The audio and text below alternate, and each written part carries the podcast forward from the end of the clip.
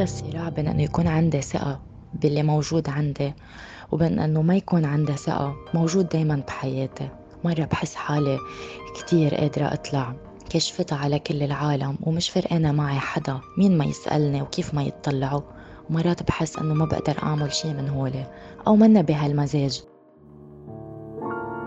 بتحبوا اجسامكم أم بتكرهوها؟ في جزء معين باجسامكم ما بتحبوه؟ أسئلة انطرحت علينا مجموعة صبايا وأنا. كنا سوا ب course إعلامي من فترة قريبة. من الصبايا يلي شاركوا وجاوبوا على هالأسئلة كانت هنادي. وقفت قدامنا كلنا وخبرتنا شو بتكره بجسمها. وكانت شجاعة وفرجتنا ليش بتكرهه. ضل الموقف ببالي. وضلينا أنا وهنادي متابعين بعض على ال social media. وكل مرة بلمح صورتها ب story أو ب post بقول لحالي ما أحلاها لازم أحكي معها بلكي بتقبل تحكي قصتها يلي سمعناها منا بالكورس بتفاصيل أكثر وبتكون حلقة خاصة من بودكاست صارت معي وهذا اللي صار. تواصلت معها مع أني كنت مترددة شوي وحذرة يمكن أني أحرجها أو ضايقها وذكرها بشي ما بدها تتذكره لكن هي خلص ما رح أحكي أنا. اسمعوها.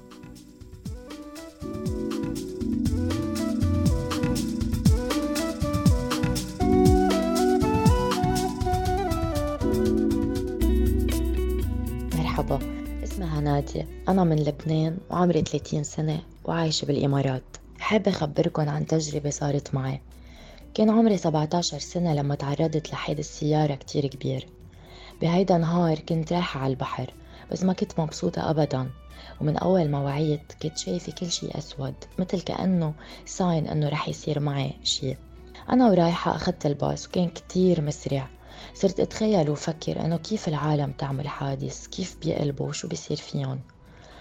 وصلت وقضيت نهاري وكنت بعدني عم شوف كل شي أسود حتى لدرجة بس نزلت على المي كان في موجة كتير قوية كبتني على الشط بقوة وقتها خفت كتير. المهم أنا وراجعة كمان أخدت الباص وكان وقتها باص صغير وفي بقلبه جيش وبنت قاعدة حد الشوفير وأنا كنت قاعدة لحالي ورا وكنت قاعدة عمايلة الشباك. بعد شوي صرت بنص الطريق بدق لي بيي وبقول لي وين صرتي لأنه نحن ناطرينك على العشاء قلت له أنا بدي عشر دقايق بكون بالبيت بس إذا بدكم سبقوني بس صراحة أنا كنت كتير مستعجلة إنه أوصل ومش مصدقة إني أوصل لأنه كان نهاري مش حلو أبدا. بعد ما سكرت التليفون بدقيقتين يمكن برمت على يميني ولقيت في سيارة عم تكسر على سيارة تانية. وواحدة من السيارات برمت بنص الطريق وفاتت فينا. لأنه الباص كتير صغير وكان كتير مسرع قلبنا وقلب الباص على الميل اللي قاعدة عليها أنا. كل الوقت اللي كان عم يبرم فيه الباص أنا كنت عم بجرف مع الزفت على ميلة إيدي الشمال وكنت واعية وكنت عم شوف كل شي. كنت عم صرخ وكنت عم قول جملة واحدة يا رب ما موت يا رب ما موت. وصراحة حسيت حالي بالحرب ضجة وخبيط و... ولما وقف الباص كان في ريحة إزاز وكان في ريحة زفت. حسيت حالي طالعة من انفجار. كل هالوقت اللي كان عم يبرم فيه الباص كان شريط حياتي عم ينعاد بثواني. عم بتذكر كل شي وعم فكر بأهلي وكيف بدي أقلن وشو بده يصير فيهم. لما وقف الباص ما قدرت أقوم منه بسرعة.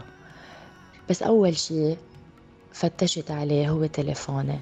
بس لحتى أقدر أوصل لأهلاتي. أكيد ما لقيت تليفوني. بس لما نزلت من الباص كنت كتير عم صرخ وصار معي كريزة. لأ ما كنت عم بصدق بدي حدا بس يدقرني ويقول لي إنه أنت بحلم مش بحقيقة. قد ما كنت خايفة ما انطرت الأمبولانس. شفت سيارة تاكسي وقفت وفيها رجال كبير. قلت له دخيلك خدني على المستشفى. وصلني على أقرب مستشفى.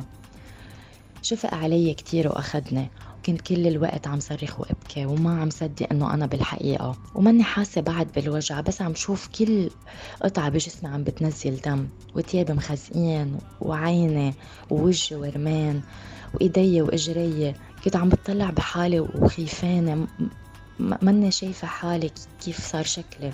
وصلت على المستشفى ودقوا لأهلي. أكتر شي كان متأثر بجسمي هو إيدي الشمال يعني كتفي. كان في جرح كتير كبير وكان في إزاز وكان في زفت. قعدت بالمستشفى يمكن شي خمس ساعات بس عم بنطفولي هيدا الجرح الكبير. طلعت على البيت تاني نهار الصبح وبقيت بالتخت 15 يوم تقريبا. من كترة الردات القوية ما كنت عم بقدر أتحرك. حتى بتذكر إنه كان في ردة على صدري ما كنت عم بقدر آكل ابدا غير سوب. أول شي كنت عم غير على جرح كتفي بالبيت. وما كنت عم بقدر استوعب المنظر ما كنت عم بقدر استوعب شو عم بيصير معي أو كيف رح تكون شكل إيدي من بعد ما يصح هيدا الجرح. بعد ال 15 يوم صرت اطلع على الصيدلية كل يوم لحتى يغيروا لي على الجرح. وكانت العالم توقف تتفرج علي قد ما كنت أبكي وصرخ من الوجع. صراحة كانت فترة كتير صعبة بتخليكم تفكروا بكتير قصص. عن جد عشت فترة كتير حزينة. كنت بعدنا عم شوف كل شي أسود. بقي الجرح تقريبا ثلاثة أشهر لنشف. وبعد ما نشف كانت الصدمة لإلي لأنه كان بقي سكار كتير كبيرة وهيدا السكار أنا ما قدرت أتقبله. ضليتني أجرب أتعالج وجرب أي شيء وأي دواء وأي عملية بس ما كانت تزبط. آخر شي فقدت الأمل وقررت أني خليها مثل ما هي. بالأول كنت أستحي وكنت دايما خليها مغطاية. ومع الوقت قررت أني أكشف عنها. كنت خاف كتير وقعت الهم لما أروح على محل كون غريبة فيه أو ما بعرف حدا. خاف من نظرات العالم وخاف من الأسئلة. وخاف هن شو بيكونوا عم بفكروا أو شو عم بيقولوا عني.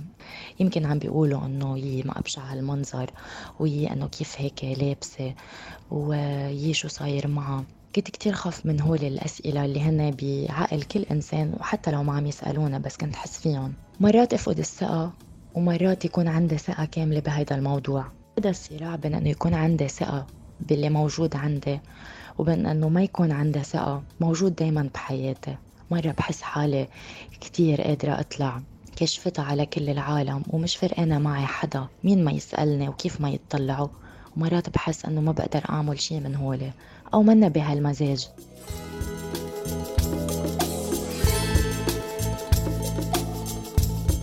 على كل حال أنا اليوم عمري صار 30 سنة ويمكن مش من كتير زمان قررت إنه ما بقى جرب أي عملية لحتى لتصح لأنه هي جاية بأصعب مطرح والعملية عليها كتير صعبة.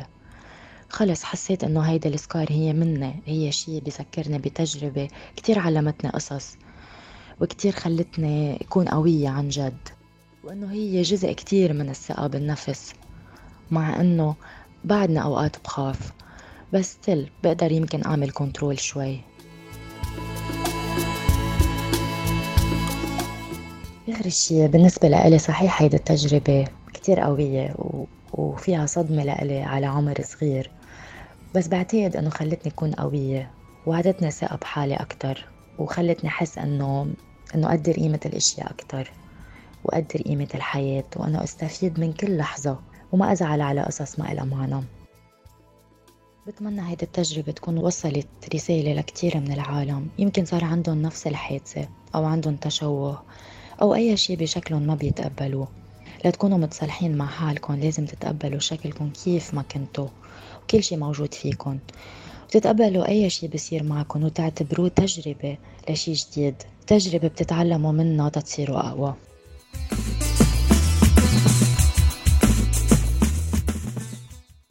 الندبة يلي بيتركها جرح على جسم هي قصة مختصرة. بعض الندوب بتظهر على الجسم وعلى الوش لكن في ندوب تانية بتصيب الروح وبالغالب ما بتظهر أبدا.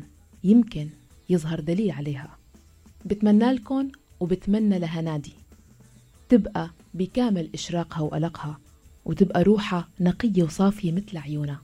شكرا لك هنادي وشكرا لكم على حسن الاستماع.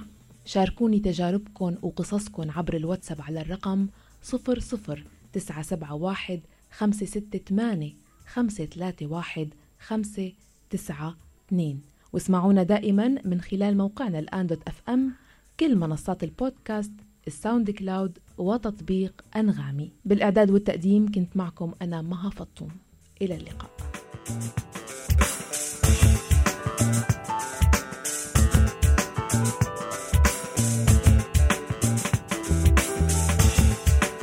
بودكاست صارت معي.